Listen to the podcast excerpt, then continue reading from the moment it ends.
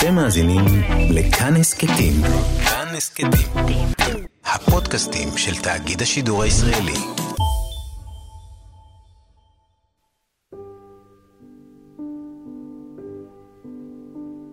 מאחורי הקלעים, שעה עם רותי קרן על צידו הנסתר של עולם התרבות והאומנות. חדר ניתוח, מחלקה פנימית, חדרי המתנה, רופאים, אחיות, אינפוזיות, מכונות הנשמה, כולנו מקווים שלא להגיע לשם, לא כמטופלים ולא כקרובי משפחה, ועם זאת, דווקא כאחד המקומות המפחידים ביותר, בית החולים יוצר בנו סקרנות, משיכה משונה, להבין, לדעת, להתקרב. אבל לא להיות בטווח הסכנה. זה קורה כמובן באמצעות סדרות הטלוויזיה שלזמן מה מאפשרות לנו להימצא במקום שהכניסה אליו אסורה, לצפות במהלך ניתוח ברגעים הירואיים של הצלת חיים, להביט בעיניהם של חולים ומשפחותיהם, ובעיקר להתוודע אל הפחדים, התסכולים, הכמיהות, העייפות, אל פנים נפשם של הרופאים שעליהם נשואות עינינו. כל זאת כשאנחנו ישובים בבטחה על הכורסה בסלון ביתנו. מי שנמצא בכל המקומות הללו כדי להביא לנו את התיעוד הייחודי הזה הוא תום גת, צלם סדרת הדוקו-דרמה הטלוויזיונית המתמחים, שמלווה רופאים צעירים בהתמחות בבתי החולים. תום גת הוא האורח שלנו היום במאחורי הקלעים, שרון לרנר על הביצוע הטכני. אני רותי קרן, מגישה ועורכת. שלום, תום.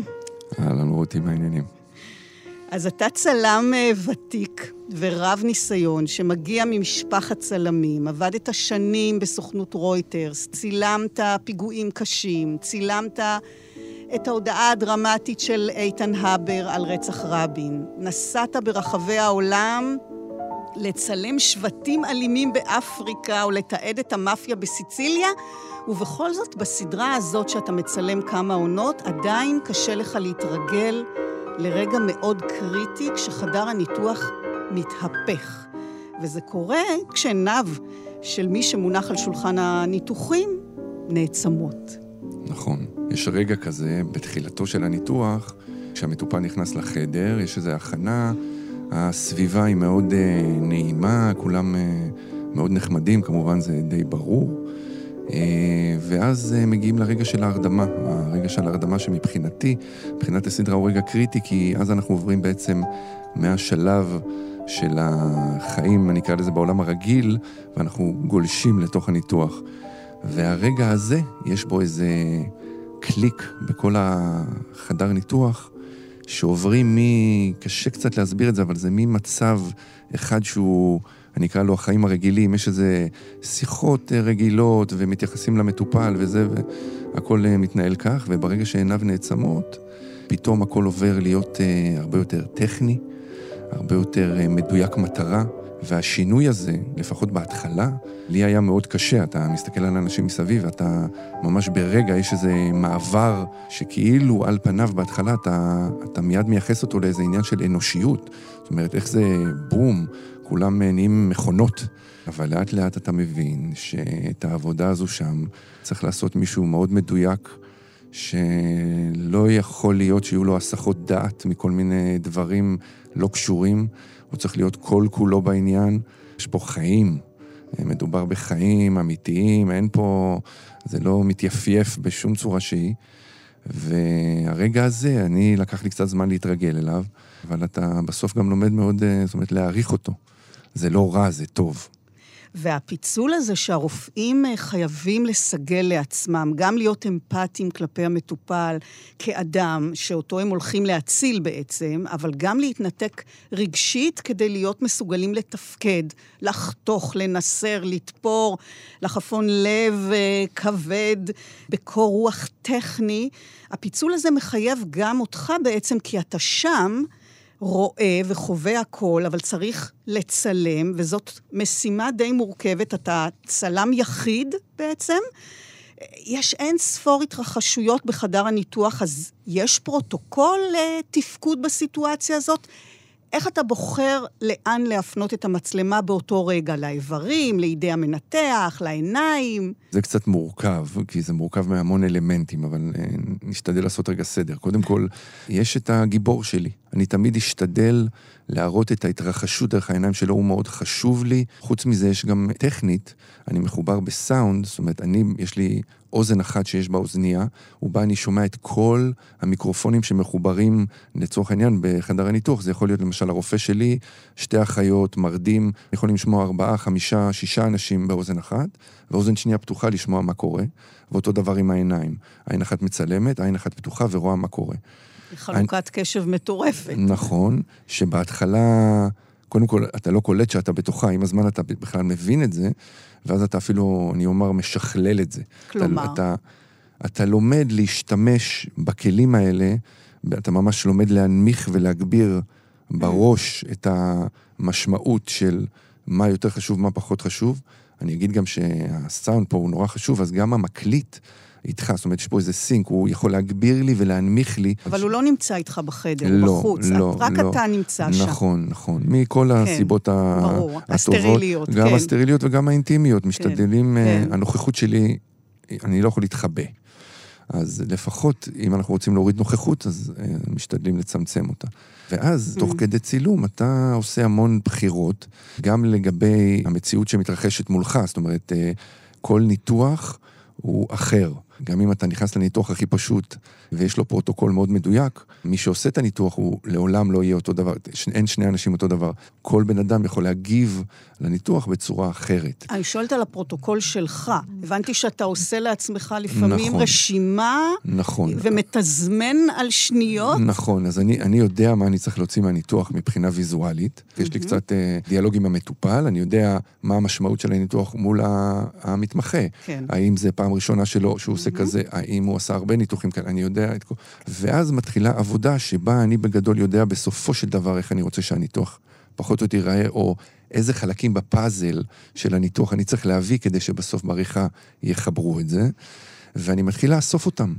חלק מהם הם, אני מגיב לדברים שקורים, וחלק מהם הם קצת דברים יותר טכניים שקשורים בצילום. זאת אומרת, אם אני צריך לצלם מבט של אחות, אז לפעמים זה יהיה בזמנים מתים, כשבניתוח אין לי כל כך מה לעשות דברים אחרים, או יש איזה עיכוב, או לא משנה מה, אני אאסוף לי כל מיני, גם אם זה יהיה לצורך העניין עיניים של אחות, או סכין, או מצטער על התיאורים, איזה כפפה שיש עליה טיפה דם, או איזה מכשיר שמחברים, או איזה מכונה. זאת אומרת, אני אוסף לי איזה בנק של ויזואליות שקורות תוך כדי הניתוח. זאת אומרת, אתה עושה עשר שניות אה, אחות, עשר שניות נכון, פרמדיק, נכון, ארבע שניות. נכון, זה יכול להגיע למצב כזה שאני יודע שיש לי פה אלמנטים שהם לא קשורים ישירות למקום, אבל אם אתה תסתכל בתמונה גדולה על הניתוח, אתה תראה אותם. אבל איך אתה תופס הכל? הבנתי שגם שותפיך לצוות שמעבר לדלתות, נכון. לא מבינים הרבה פעמים איך הכל קרה.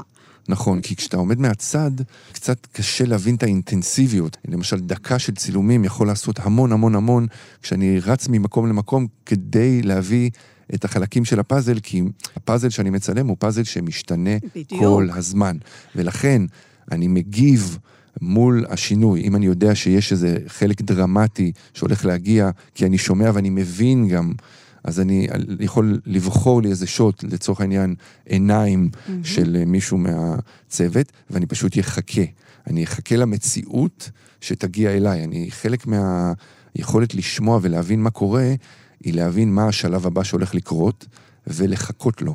כן, לצוד זה, אותו ממש. נכון, נכון, כן. וזה קורה גם כי בתור צלם שמצלם המון שעות אנשים, אתה לומד את השפת גוף, את ההתנהגות האנושית, ואתה יכול להסיק לא תמיד אתה פוגע, כן. הם מפספסים המון, mm-hmm. אבל אתה יכול להסיק מה תהיה התגובה ולחכות לה. כן. וזה רגעים שאני מאוד אוהב. אחד הדברים שמדהימים בצילומים במהלך ניתוח או בחדר הטראומה, שאתה שואל את עצמך, איפה המצלמה?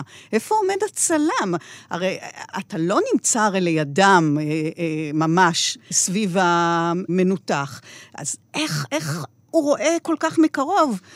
קודם כל, אני משתמש בעזרים, זאת אומרת, עדשות שכאילו אמורות לראות למרחוק, עדשות טלא אנחנו קוראים להן, אבל אני לקחתי את אותן עדשות ובעצם הכנסתי אותן לטווחי עבודה הרבה יותר קטנים, ולכן הרזולוציות, הקלוזאפים שאני יכול להגיע אליהם הם מאוד מאוד מאוד גדולים. אני יכול לראות ממרחק מאוד קצר דברים מאוד משמעותיים בפריים.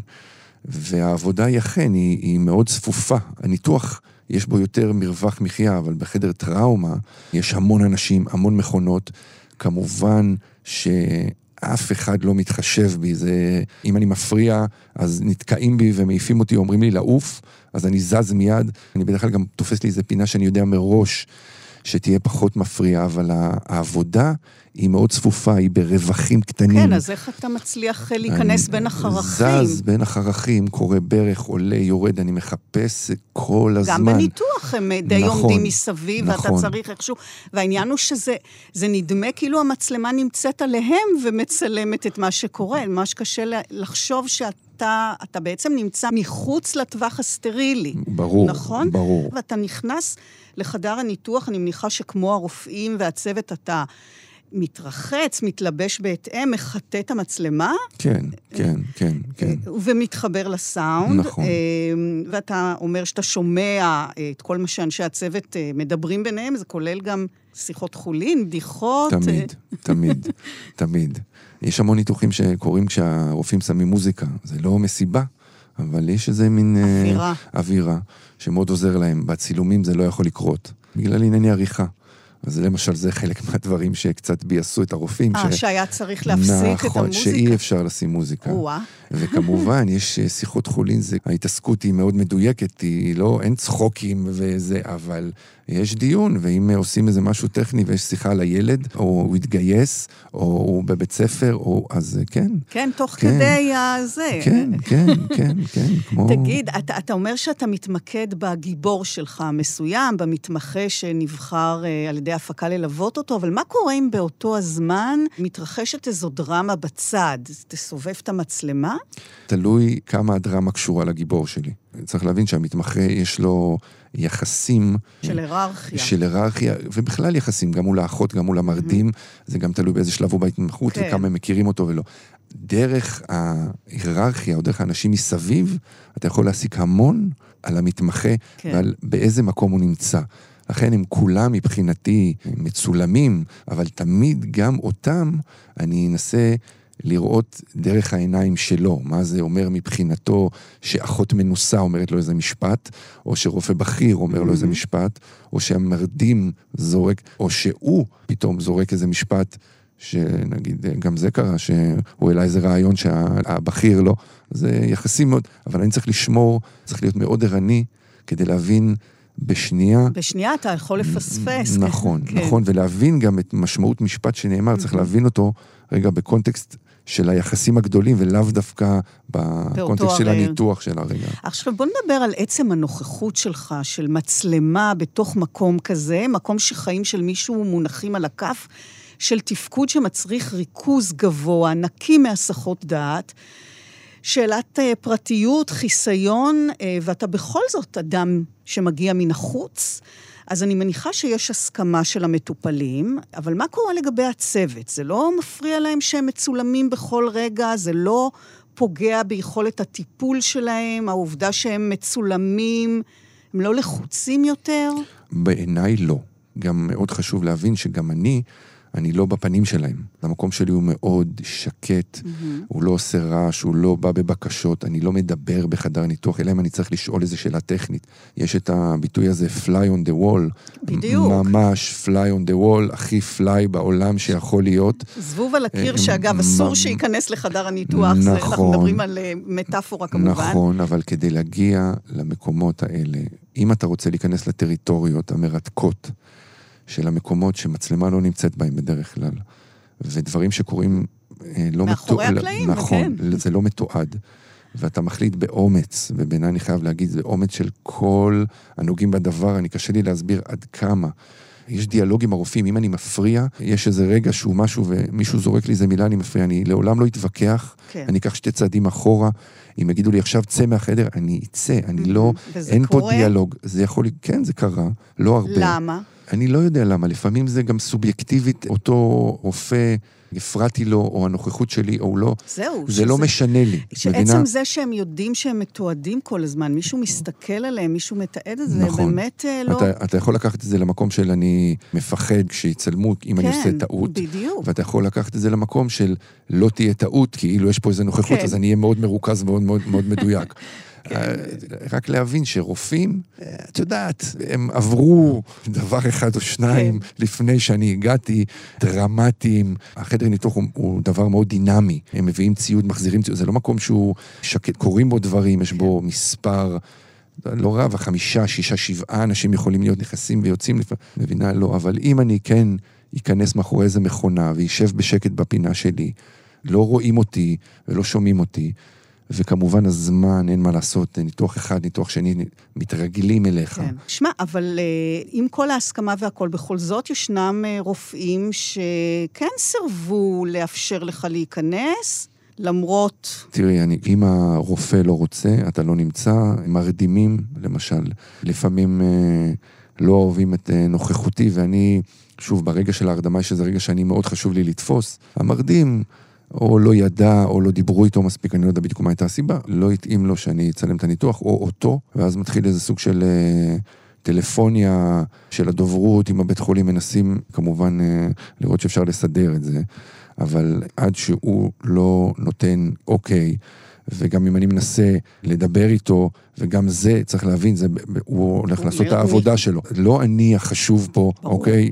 אז אני יכול עד גבול מסוים לבקש, או לנסות, או באיזשהו שלב הוא אומר לי, קח את הרגליים שלך וצא עכשיו, אז אני לוקח את הרגליים שלי ויוצא עכשיו.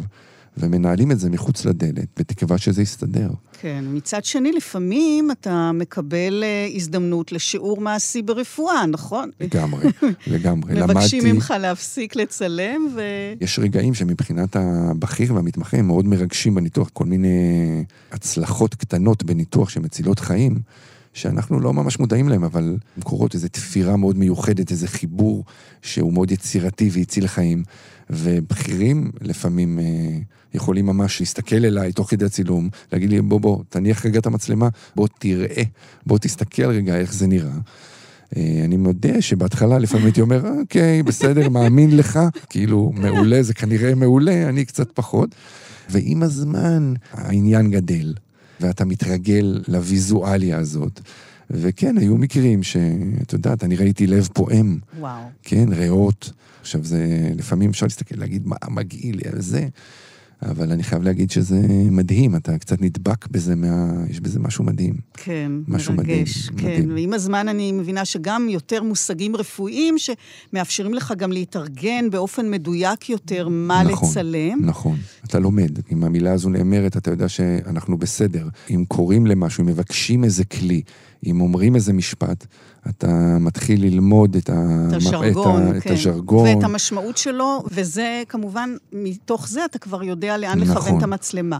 נכון. מה קורה בחדר הטראומה? שם הדברים הרי לא מאורגנים מראש. אה, זה אירוע שמגיע בהפתעה, מקום מאוד מאוד לחוץ. נכון. ארגון לא ממש תופס ברגעים כאלו, אז זו התנהלות אחרת מבחינתך? זה צילום שונה? בגדול, בגדול לא.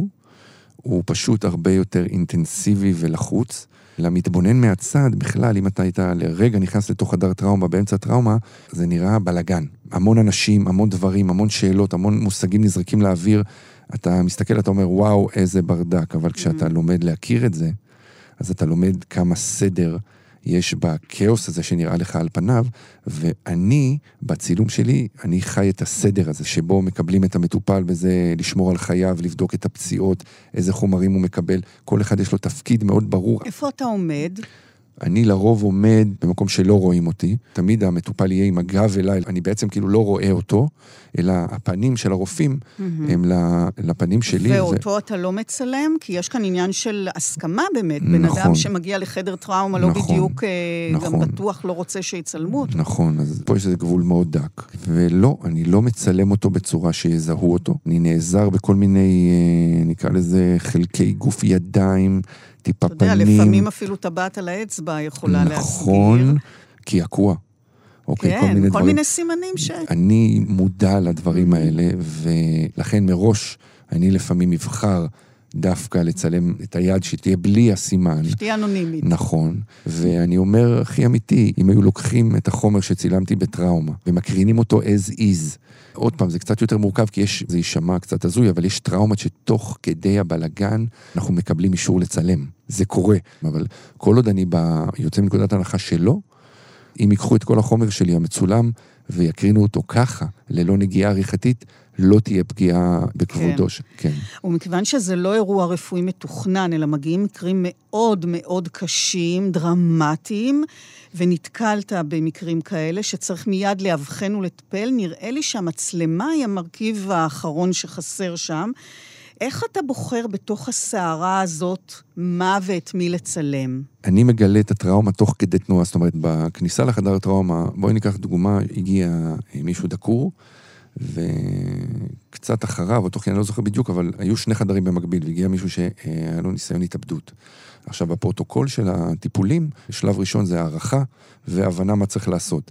אז גם מבחינתי, אני מצלם הערכה, ואני מבין מה צריך לעשות לשלב הבא. קפצתי מהדקור לניסיון התאבדות, שם אני מקבל הערכה, ואני מבין מה צריך להיות. לצורך העניין, זה נלקח ל-CT, וזה נלקח כרגע להנשמה. אז אני יודע מה השלב הבא, אני מבין מה יביאו לזה וזה, או לאן הוא ילך, וזה, ואני פשוט מדלג. תוך כדי שאני עושה לי סדר בצילום כדי לספר את הסיפור. זאת אומרת, הכל תמיד, שוב, דרך העיניים של המתמחה שלי שמוביל את זה. מתמחה שגם הוא נע בין שניהם? אם הוא צריך, כן. כן. אם הוא צריך, כן, אבל הדברים הם נורא דינמיים. אם הפגיעה שלו היא ריאות, אז יביאו מישהו שמתמחה בריאות, כן. והוא יצטרף מיד, ויחברו אותו תוך כדי... זאת אומרת, הכל הוא מאוד מאוד דינמי. לא, אבל איך אתה מחליט ברגעים הסוערים האלה, שגם... שמע, מתרחש מולך, אתה מתאר פה שני מקרים של סכנת חיים. נכון. אז זה בוודאי גם פועל עליך אני, איכשהו. אני צריך לבחור. ואתה צריך לבחור, נכון, כן. כל רגע, מה, מה אתה, נראה לי חשוב. איך אתה בוחר? הבחירה היא, את יודעת, היא שלי אישית לגבי ה, איפה אני חושב שהדרמה הגדולה נמצאת, mm-hmm. ואיפה התגובה... של הגיבור שלי, לצורך העניין, תהיה משמעותית. ולזה אני מגיב. אם יש לי רגע אחד שהמתמחה שלי עסוק באיזה בדיקה, ואני יודע שהבדיקה הזו תיקח 20 שניות, ואני יודע שאחרי 10 שניות יש לי את הבדיקה הזו, ויש לי פה רווח של 10 שניות, אני אסובב את המצלמה כדי לגנוב במושגים שלי עוד משהו שקורה מהאחות, וכשאני מבין שעוד שתי שניות, או אני שומע אותו אומר, אוקיי, סיימתי, אוקיי, אני אחזור אליו, ובשנייה שהוא, אני אראה אותו מחכה לרגע, אני אסתובב לשם, ואני אקפוץ מעל הווילון. הראש עובד, זאת המהירות שזה עובד.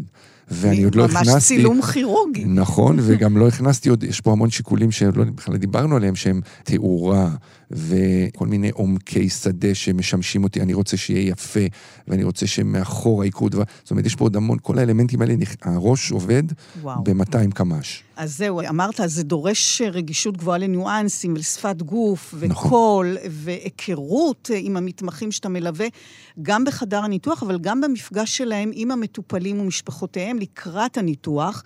גם בביתם עם בני או בנות הזוג והילדים שלהם וההורים, נכון? נכון, תראי, הכניסה לבית חולים והטריטוריה שם היא טריטוריה מאוד דרמטית ורגשית.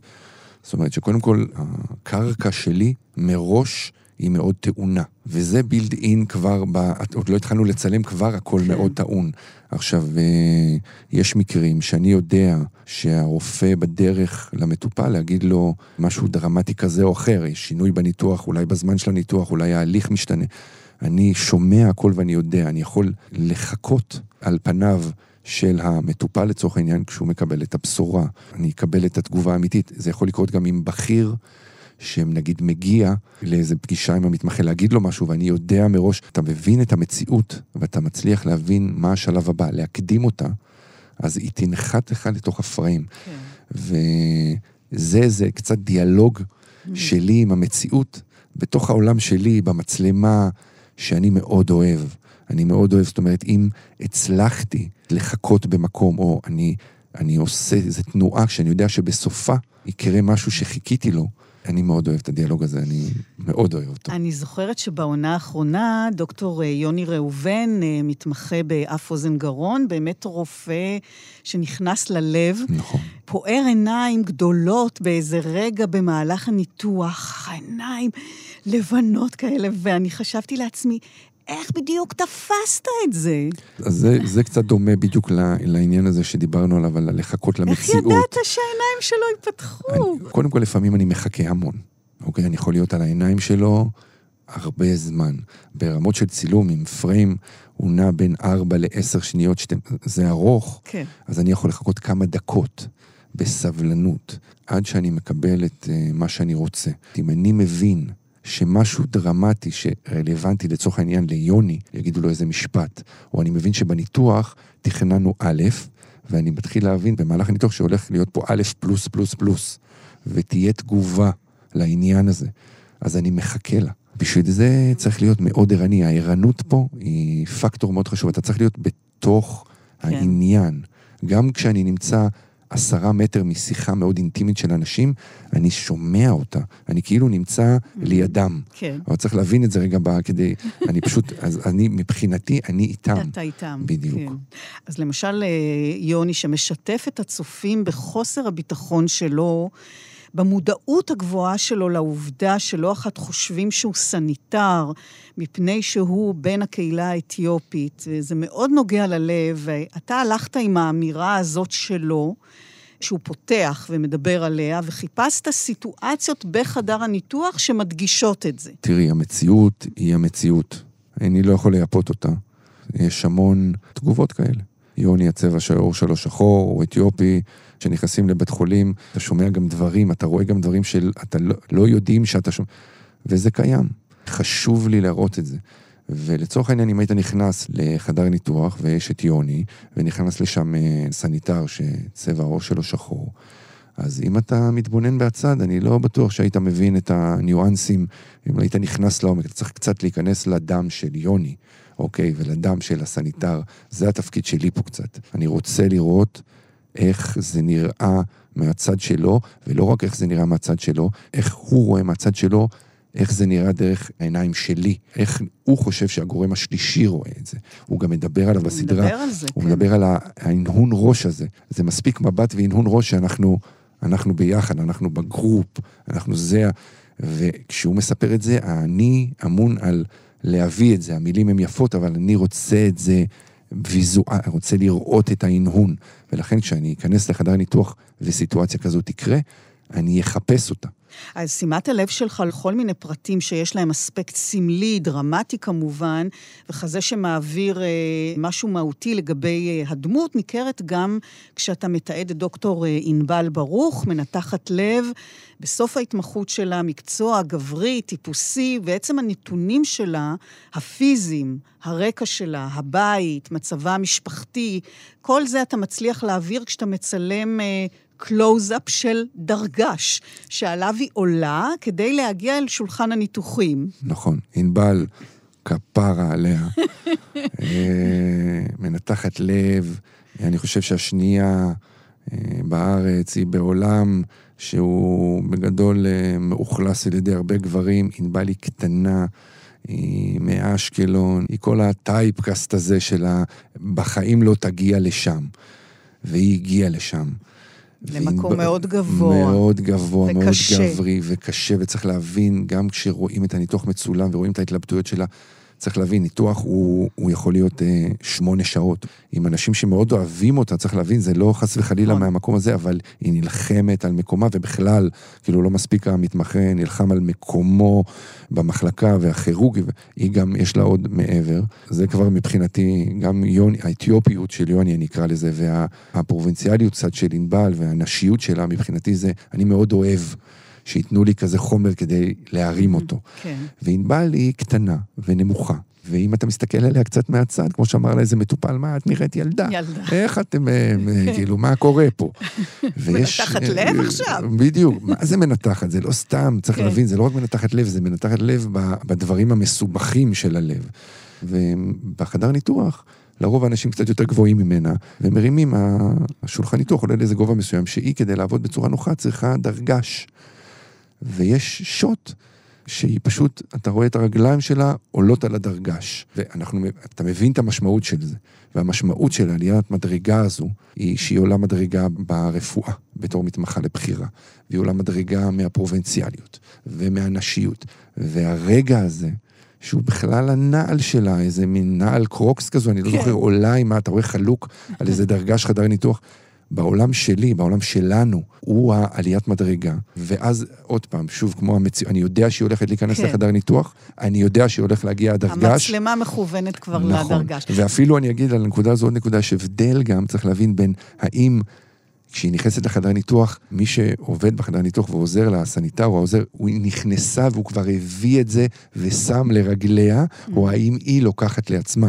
אתה מבין? גם פה כן. יש איזה, אתה מבין מזה את כן. המקום שלה. בדיוק. בכלל הרגע הזה של החלפת המקומות, כשהבכיר נותן למתמחה לבצע, נכון. לנתח, אה, ממש. נכון. הוא רגע מאוד מרגש, מאוד מפחיד, רגע מבחן. נכון. אני זוכרת שתפסת גם מבטים של בכירים נוספים מסביב, נכון. שעושים כל מיני פרצופים... יכול לקרות. כאלה עם ביקורת. לקרות, יכול לקרות. הבכיר מלמד את המתמחה מה לעשות. ואם המתמחה לא יחוש בידיו ויעשה את העבודה, כשהבכיר אחראי ויושב לו על המוח, אבל הוא חייב להתנסות. כן. והרגע הזה של המעבר, כשהוא נותן לו להתנסות, ועוד פעם, בתחילת ההתמחות זה כמעט בכלום, ולאורך ההתמחות זה הולך וגדל, המקום mm-hmm. שלו. השנייה הזאת של ההחלפה ביניהם, למתבונן מהצד, עוד פעם, זה יכול לראות איזה, אוקיי, הוא נתן לו לרגע כן. והוא חזר בעולם שלהם. זה רגע מטורף, זה רגע שהוא נותן לו את השרביט להוביל מהלך שקשור בחיים של אדם.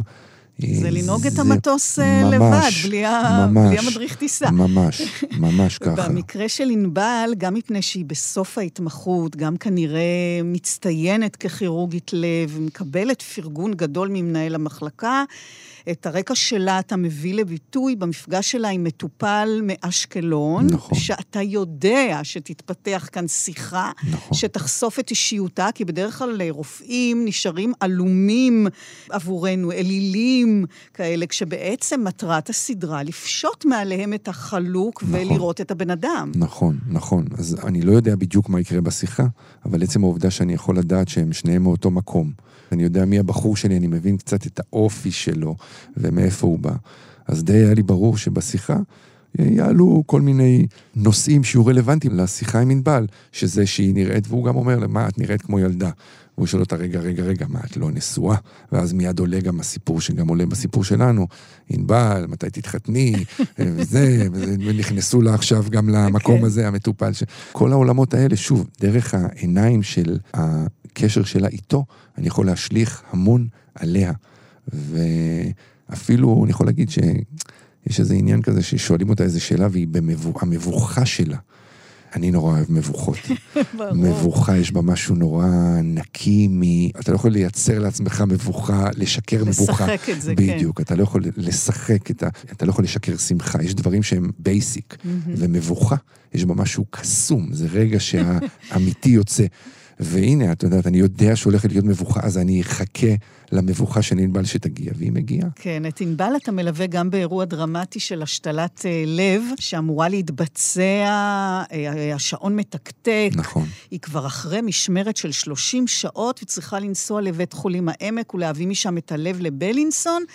גם אתה אחרי שעות רבות של עבודה, ומתעקש להיות איתה בסיטואציה ונוסע איתה. נכון. זה היה בסביבות ה-30 שעות, אני חושב, ברציפות שעבדנו, ואני מיד אומר שלא יחשבו לרגע שאני פה גיבור. אוקיי? העניין היה שאם המתמחה שלי, הוא יצא למשמרת שלו, ובסוף המשמרת שלו, כשהוא היה צריך ללכת, נכנסה השתלה, וזה אומר שהוא מבין שיש לו פה עכשיו עוד 20 שעות רצוף, איזה צורה יש לזה אם אני, שאני חי איתו את כל הדבר הזה, יגיד, אוקיי, אני אחרי היומית שלי, יתקפל וילך הביתה, יביאו מישהו אחר שהוא ימשיך ואני אחזור בבוקר. בעולמות שלי לא מקובל. עד שהיא לא הולכת ומסיימת, אז גם אני לא הולך ומסיים. והעייפות שאני אצלם אותה, אני אהיה באותו state of mind של קריאות. אתה צריך להבין, אתה נוסע, זה חוויות מטורפות. לשבת באמבולנס שצורח עם סירנה ועובר פקק, שיש אה, על הרצפה צידנית, ואתה נוסע עם לב. היה גם באחת העונות שנסענו מחיפה חזרה לתל אביב, והיה פשוט גשם מטורף, ברקים, לא רואים מטר ופקק, והסירנה צורחת. ואתה יושב ובאמבולנס זה שקט, דממה, רק שומעים את, ה, את הסירנה, וזה רגעים כאילו כן. מטורפים. ואתה איתה שם, אה, בסיטואציה נכון. הזאת, גם יוצר מן הסתם אה, קרבה בשעות הנסיעה הזאת, אבל אתם גם נמצאים שם כדי אה, להמתין ללב שצריך לקצור אותו, זאת השפה הרפואית. אה, היום כבר לא, אני אתקן אותך, היום זה, קוראים לזה הנצלה. הנצלה. נכון, היום זה להנציל, אם זאת אני לא אומרת, טועה, זה זה כל הפועל. האיברים האלה, נכון. כמובן, אה, מיועדים להצלת חיים של הרבה מאוד אנשים, נכון. ומגיעים לשם עוד רופאים נכון. מעוד בתי חולים, כל אחד מחכה לאיבר אחר. נכון. תראי, אני אזהר פה בתיאורים, כי המטרה היא באמת חשובה. מאוד אה, חשובה. מאוד חשובה. יש המון אנשים שפשוט חיים בגלל זה. אבל- אה, אבל כשאתה מגיע לשם, אה, יש מישהו שלצערי הרב אה, נפטר, והחליטו לתרום איברים. ולכן מגיעים צוותים מכל הבתי חולים, צריך להבין, כל הצוותים האלה באותו רגע הולכים להציל חמישה, שבעה, שמונה, עשרה אנשים.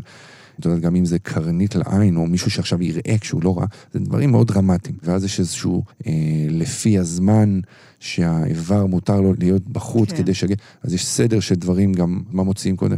זה קצת מגעיל לדבר על זה, אני מתנצל, אבל זאת המציאות. ואז פשוט כל אחד ייקח את אה, מה שהוא צריך. אז זה קצת אה, כמו איזה עדת אה, ציפורי טרף. אה. כן, זה קצת, אה, זה, זה קשה. זה קשה, אני כן. לא... קשה לי, כאילו, אני משתדל. כן, לא לא, זה לתת את מצריך הטור, אה, נכון. ניתוק רגשי ברמה נכון, גבוהה יותר. נכון, נכון. אבל לא תמיד אתה מצליח להתנתק. לא. קרה לך שהנחת את המצלמה, או שפתאום ראית מטושטש אה, לא בגלל העדשה המטשטשת? קודם כל ברור, לחלוטין. אה, אני יכול לספר סיפור אחד מאוד דרמטי, אני ככה אטשטש קצת את הפרטים, הייתה טראומה של מישהי צעירה. נערה. נערה. והיא לא שרדה את התאונה. ומשם היה איזה עניין של אה, השתלה וכולי וכולי, ההורים, ה- אני לא יכול להלל בכלל את העניין הזה, שהסכימו שאיברים יושתלו, אבל אה, אתה מוצא את עצמך איתה בחדר. וזאת נערה בגיל של הבת שלי.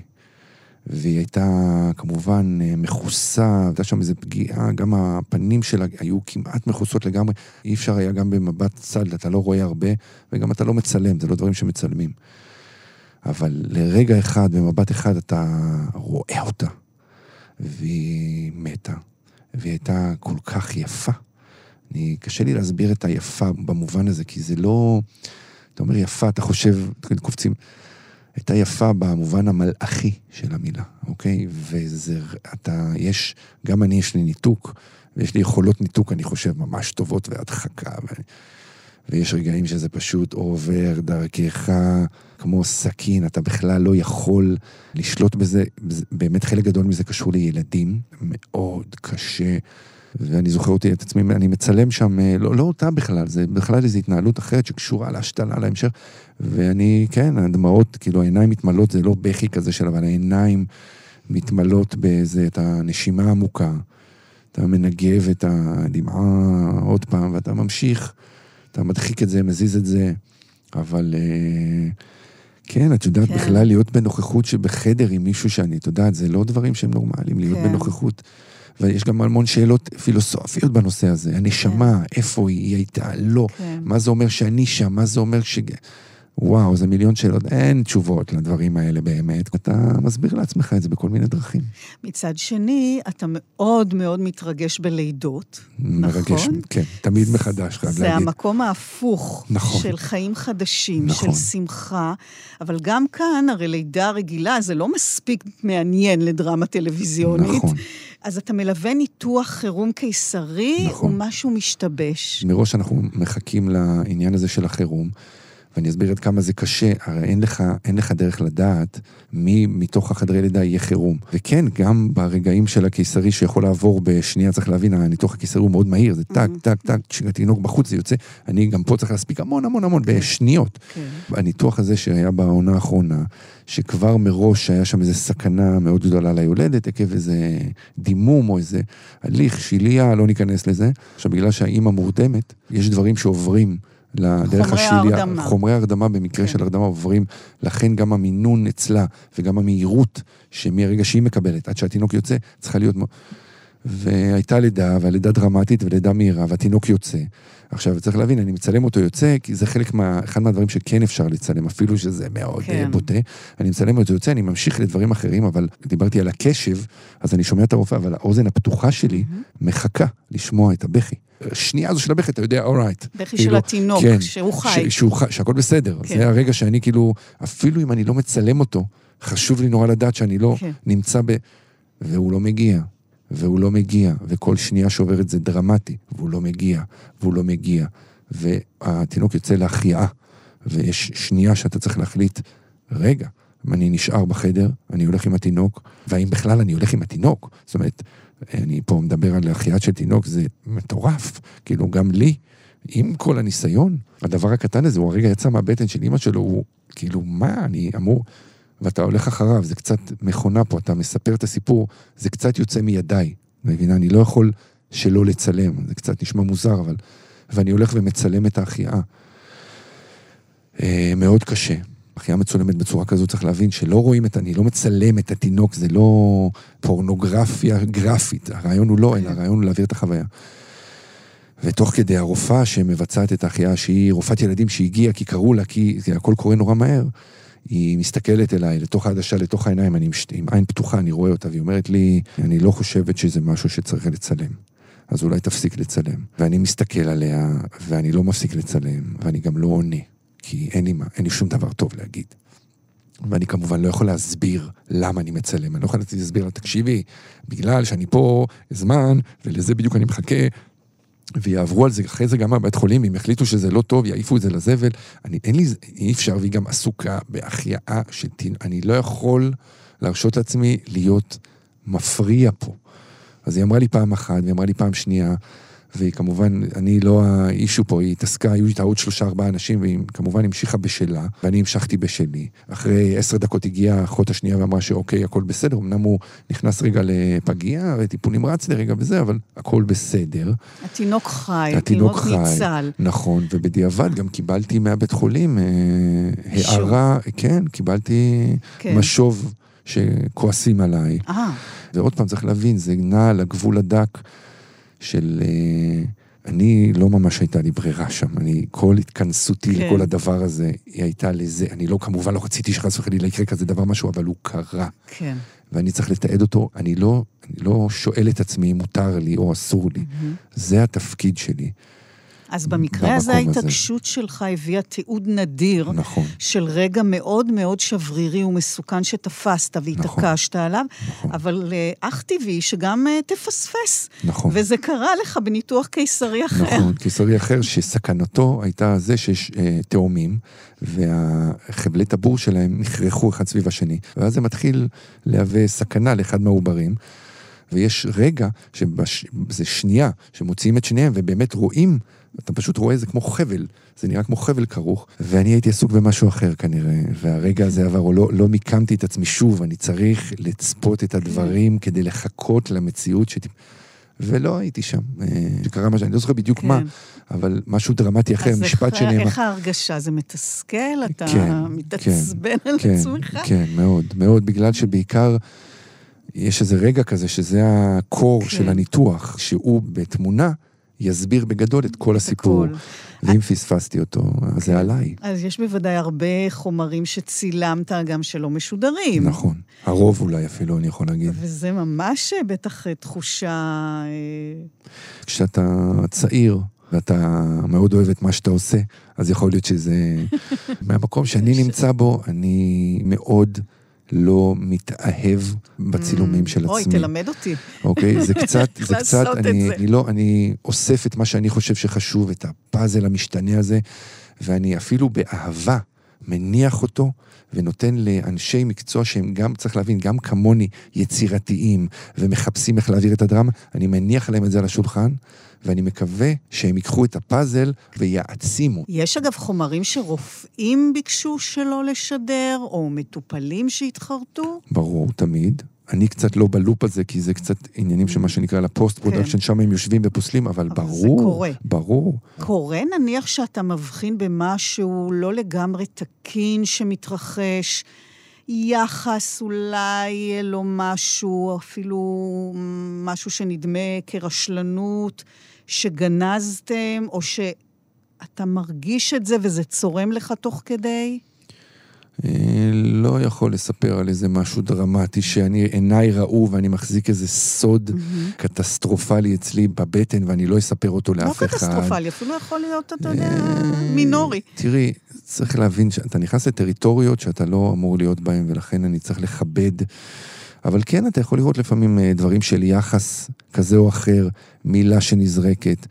גם להבין, תקשיבו, רופאים ואחיות, הם קודם כל בני אדם, מוקם... אגב, נדמה לי שבעונה האחרונה יש גם רגע כזה עם אה, נתי, יחד עם הבכיר, שהוא מדבר איתו על הדבר הזה, נכון. של התייחסות. יש שם איזה רגע שלו, נכון. שהוא אומר איזה מילה לטכנאי של הרנטגן, נכון, נכון. והבכיר אומר לו, קצת. רק זה, היחס האנושי זה הדבר הכי נכון, חשוב. נכון, צריך אז... להבין שהם כמונו אנשים מתעצבנים, כן. ולפעמים לא מסתדרים דברים, וזה לא בדיוק בזמן, כן. וזה לא מדויק, ואתה אנושי. וכמו כולנו, כן. יש דרמות, יש היררכיה מאוד ברורה במקומות האלה, ויש לפעמים ריב. על בין מתמחים, מי הוא היותר בכיר בניתוח הזה, מי ייקח יותר, מי ייקח פחות. אם אנחנו נלך קצת אל הצד של המטופלים, שגם אותם אתה מצלם ומתעד, זה קשר אחר שאתה יוצר? זאת עבודת צילום שונה מולם? תראי, המטופלים, אני נזהר מלהיקשר אליהם יותר מדי. אני מפתח איתם איזה קשר כדי שירגישו מאוד בטוח איתי. זה נורא חשוב לי שיבינו, וגם יש לי לפעמים שיחות איתם שלא מצולמות. כן. זאת אומרת, אם הוא עכשיו נכנס לחדר אה, ניתוח ערום, אז הוא מן הסתם אומר לעצמו, רגע, יש צלם, אני ערום, מה העניינים פה? Mm. אני יוזם שיחות כאלה, בהם אני מסביר שברגעים האלו אני לא מצלם, אני אפילו יוצא מהחדר. אני חייב שגם המטופל ירגיש שאני אני אקרא לזה שומר עליו. אבל להראות... אתה מוצא את עצמך מזדהה איתם? ברור. בחרדה, בקושי, ברור, בחוסר אונים? ברור, ברור, ברור. בעונה האחרונה היה בחור שהלך, הרגיש קצת לא טוב, עשו לו איזו בדיקת לב קטנה וגילו שיש לו שני עורקים חסומים, אני חושב כמעט לגמרי. עכשיו, הבחור הזה, הוא יושב אה, מולי ברעיון, ואני מבין שהוא כמעט בגיל שלי. התחביבים שלו הם מאוד דומים לתחביבים שלי. הוא עושה ספורט, שוחה, הולך וגולש, ואנחנו מאוד דומים גם באופי של ההסתכלות על החיים. והוא נכנס לניתוח לב פתוח, והוא יושב מולי, ואני בגדול מסתכל ואני אומר, אוקיי, כאילו בבסיס, אולי אני צריך אה, מחר בבוקר לקום ולעשות איזה בדיקת אקו לב, כי גם אני מרגיש מאוד בריא, והכול בסדר, אבל הנה הוא יושב פה מולי. וכבר שם היה לי איזה חיבור mm. איתו. וביום של הניתוח שלו ממש הוא כבר הגיע לשלב הממש עוד רגע מרדימים אותו על, ה, על השולחן, ואז היה איזה שינוי, כי כנראה נכנס איזה ניתוח השתלה חירום וענבל, ונהיה איזה בלאגן, ובעצם לרגע, אמנם זה הסתדר אחר כך, כי שינו, אבל לרגע אמרו לו, אוקיי, כאילו כשהוא על השולחן, כשהכול, אמרו לו, אוקיי, אה, לא עכשיו, אתה חוזר חזרה לחדר. אתה חוזר חזרה לחדר. עכשיו, להבין וואו. שאתה יושב שם, אחרי המסע הזה, הכנות, הימים, ועכשיו אומרים לך, רגע, זה לא עכשיו, זה, זה, זה מטורף.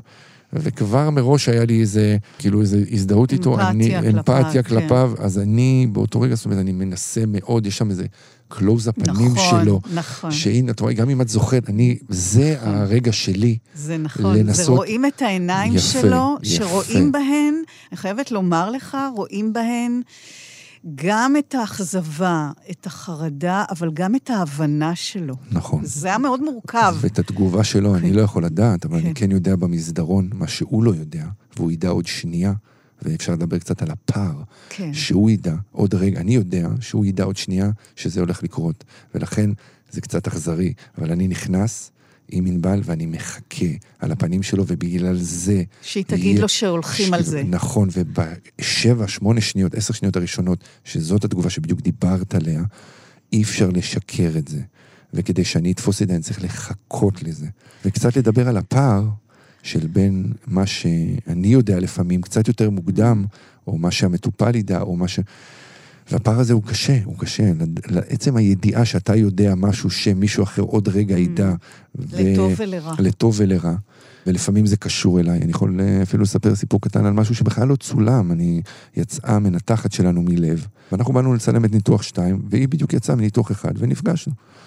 והיא יוצאת, ואתה רואה על הפנים שלה שהיא קשה לה, אוקיי? והיא מספרת אה, על אה, ניתוח שהם עכשיו עשו, ניתוח קיצור קיבה, הליך מאוד פשוט ויחסית, אף על פי שיש בו סיכונים, אבל יחסית זה משהו שקורה.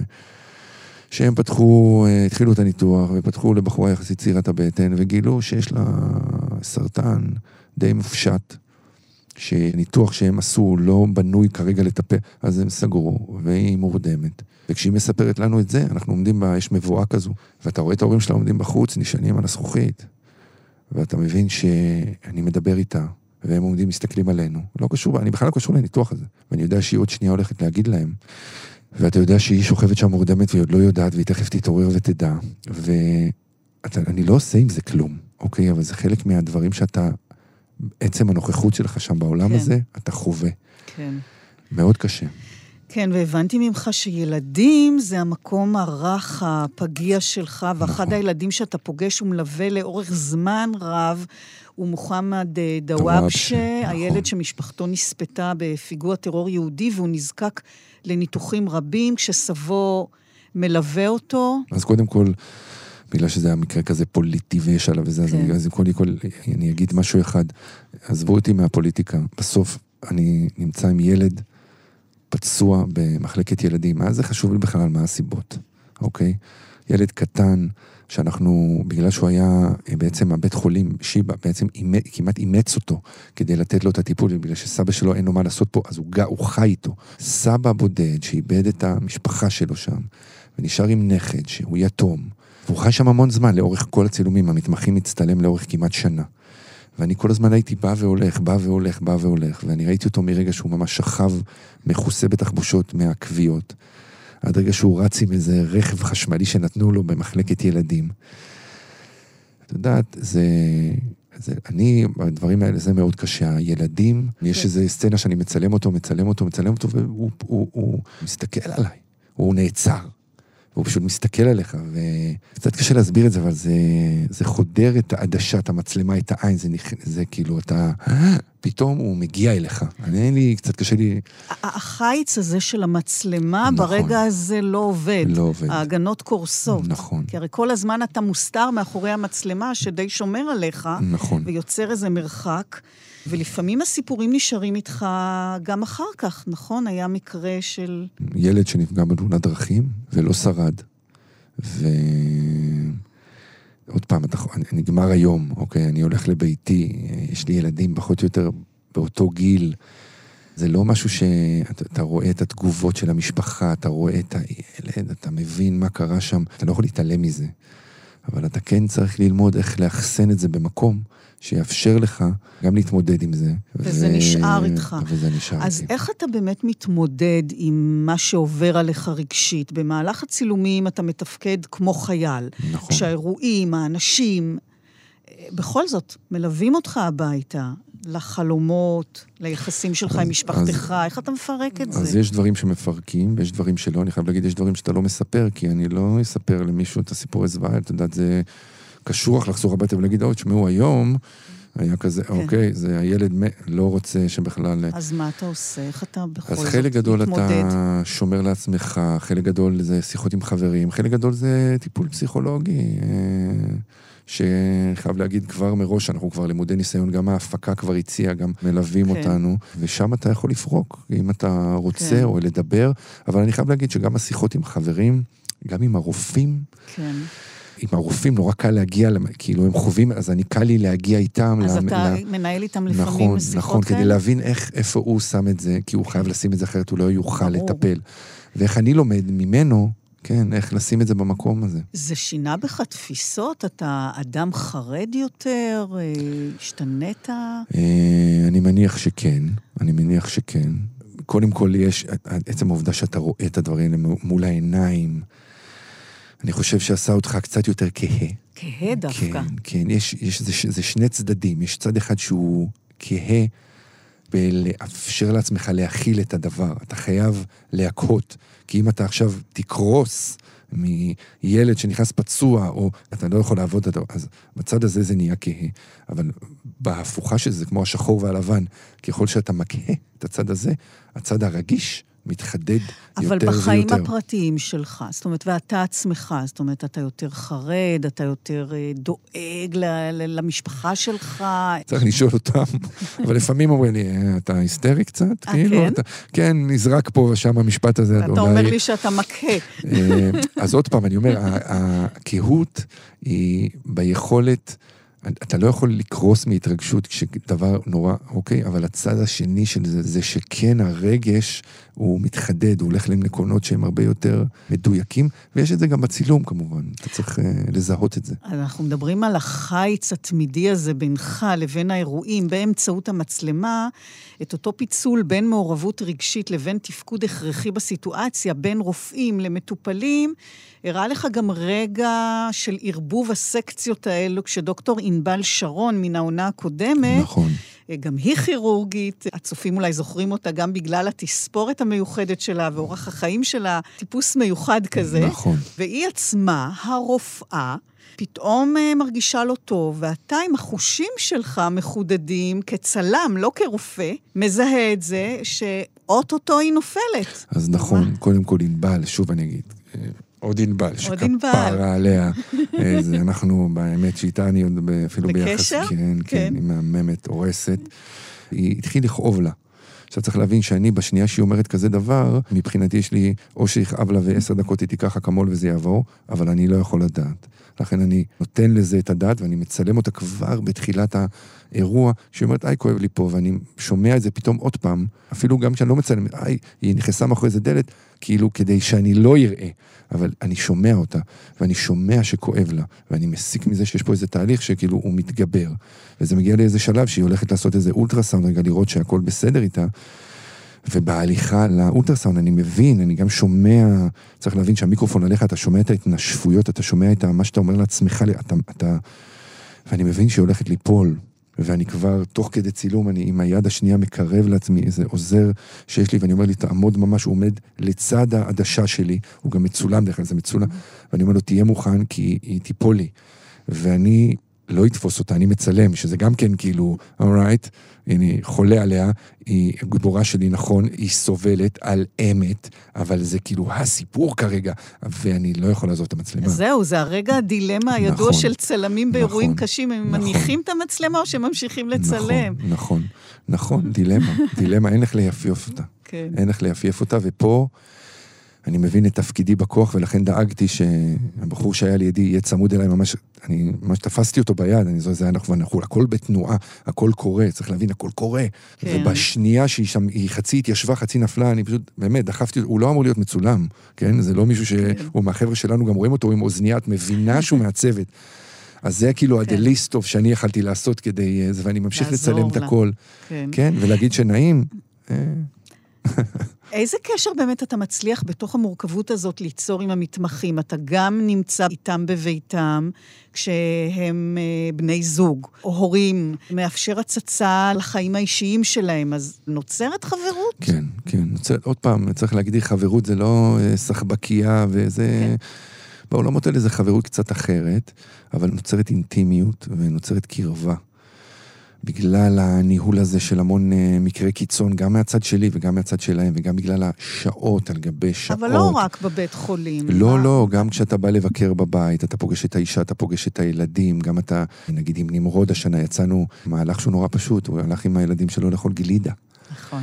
והמקום האינטימי הזה של האבא עם שני הילדים שלו, והוא גרוש, והוא לבד שם, והילדים, והמקום הזה, הוא לא רק מצלם אותו, אני נוכח בו, זאת אומרת, מה שאתם רואים זה חלק, אבל יש גם המון שזה מסביב, זה ההתנהלות, זה הרגע הזה, זה הרגע הקטן, זה לסדר את הכיסא, זה להביא את ה... אבל אז מה, אז מה יש לך איתם?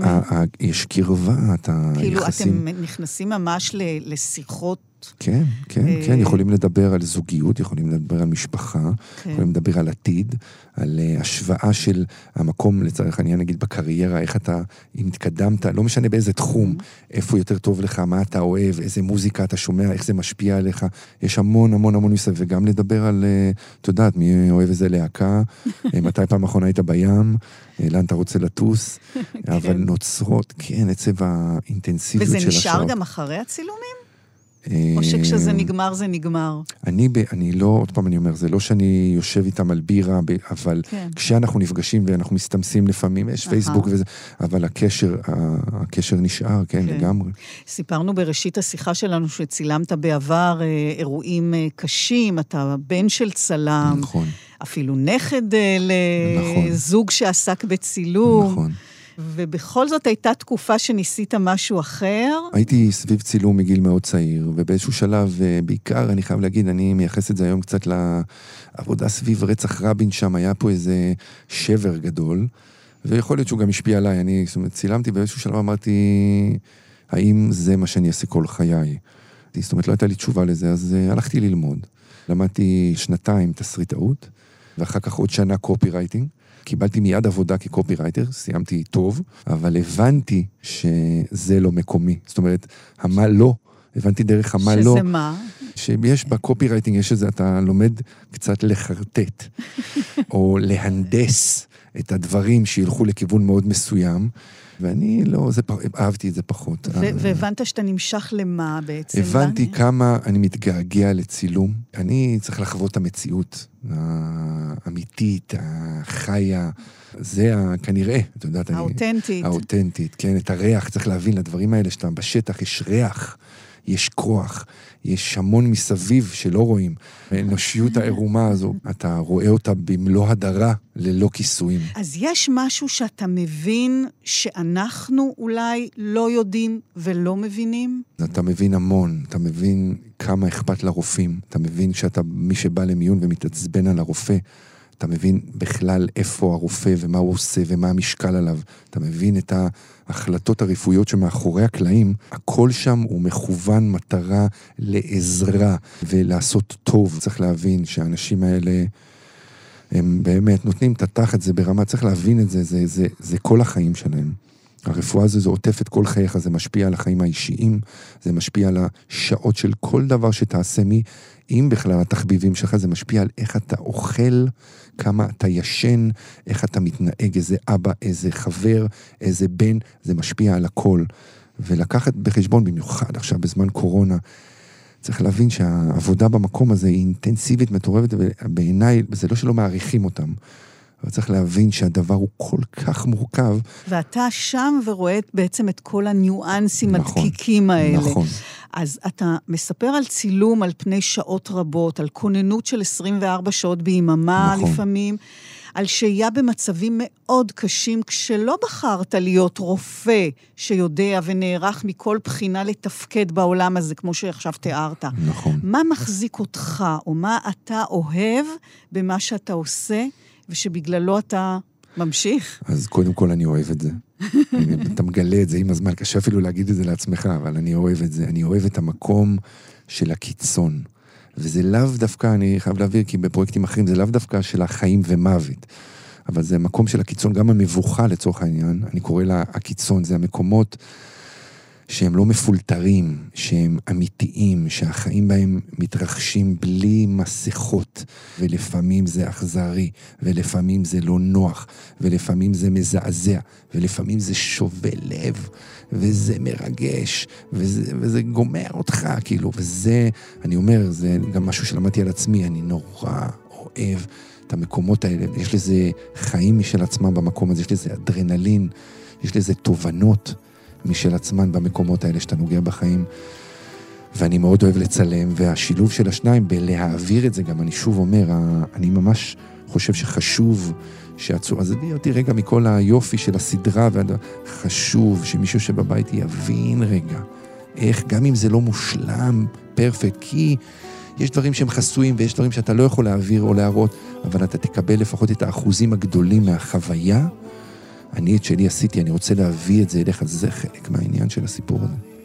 תום גת, תודה רבה לך. וואו, תודה רבה, נהניתי מאוד. גם אני.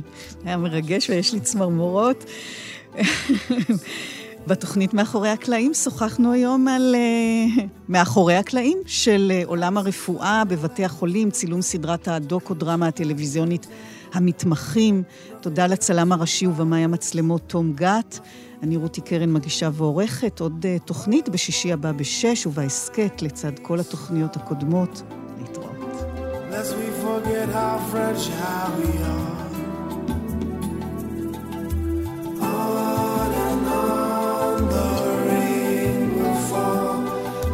tears from a star, like tears from a star.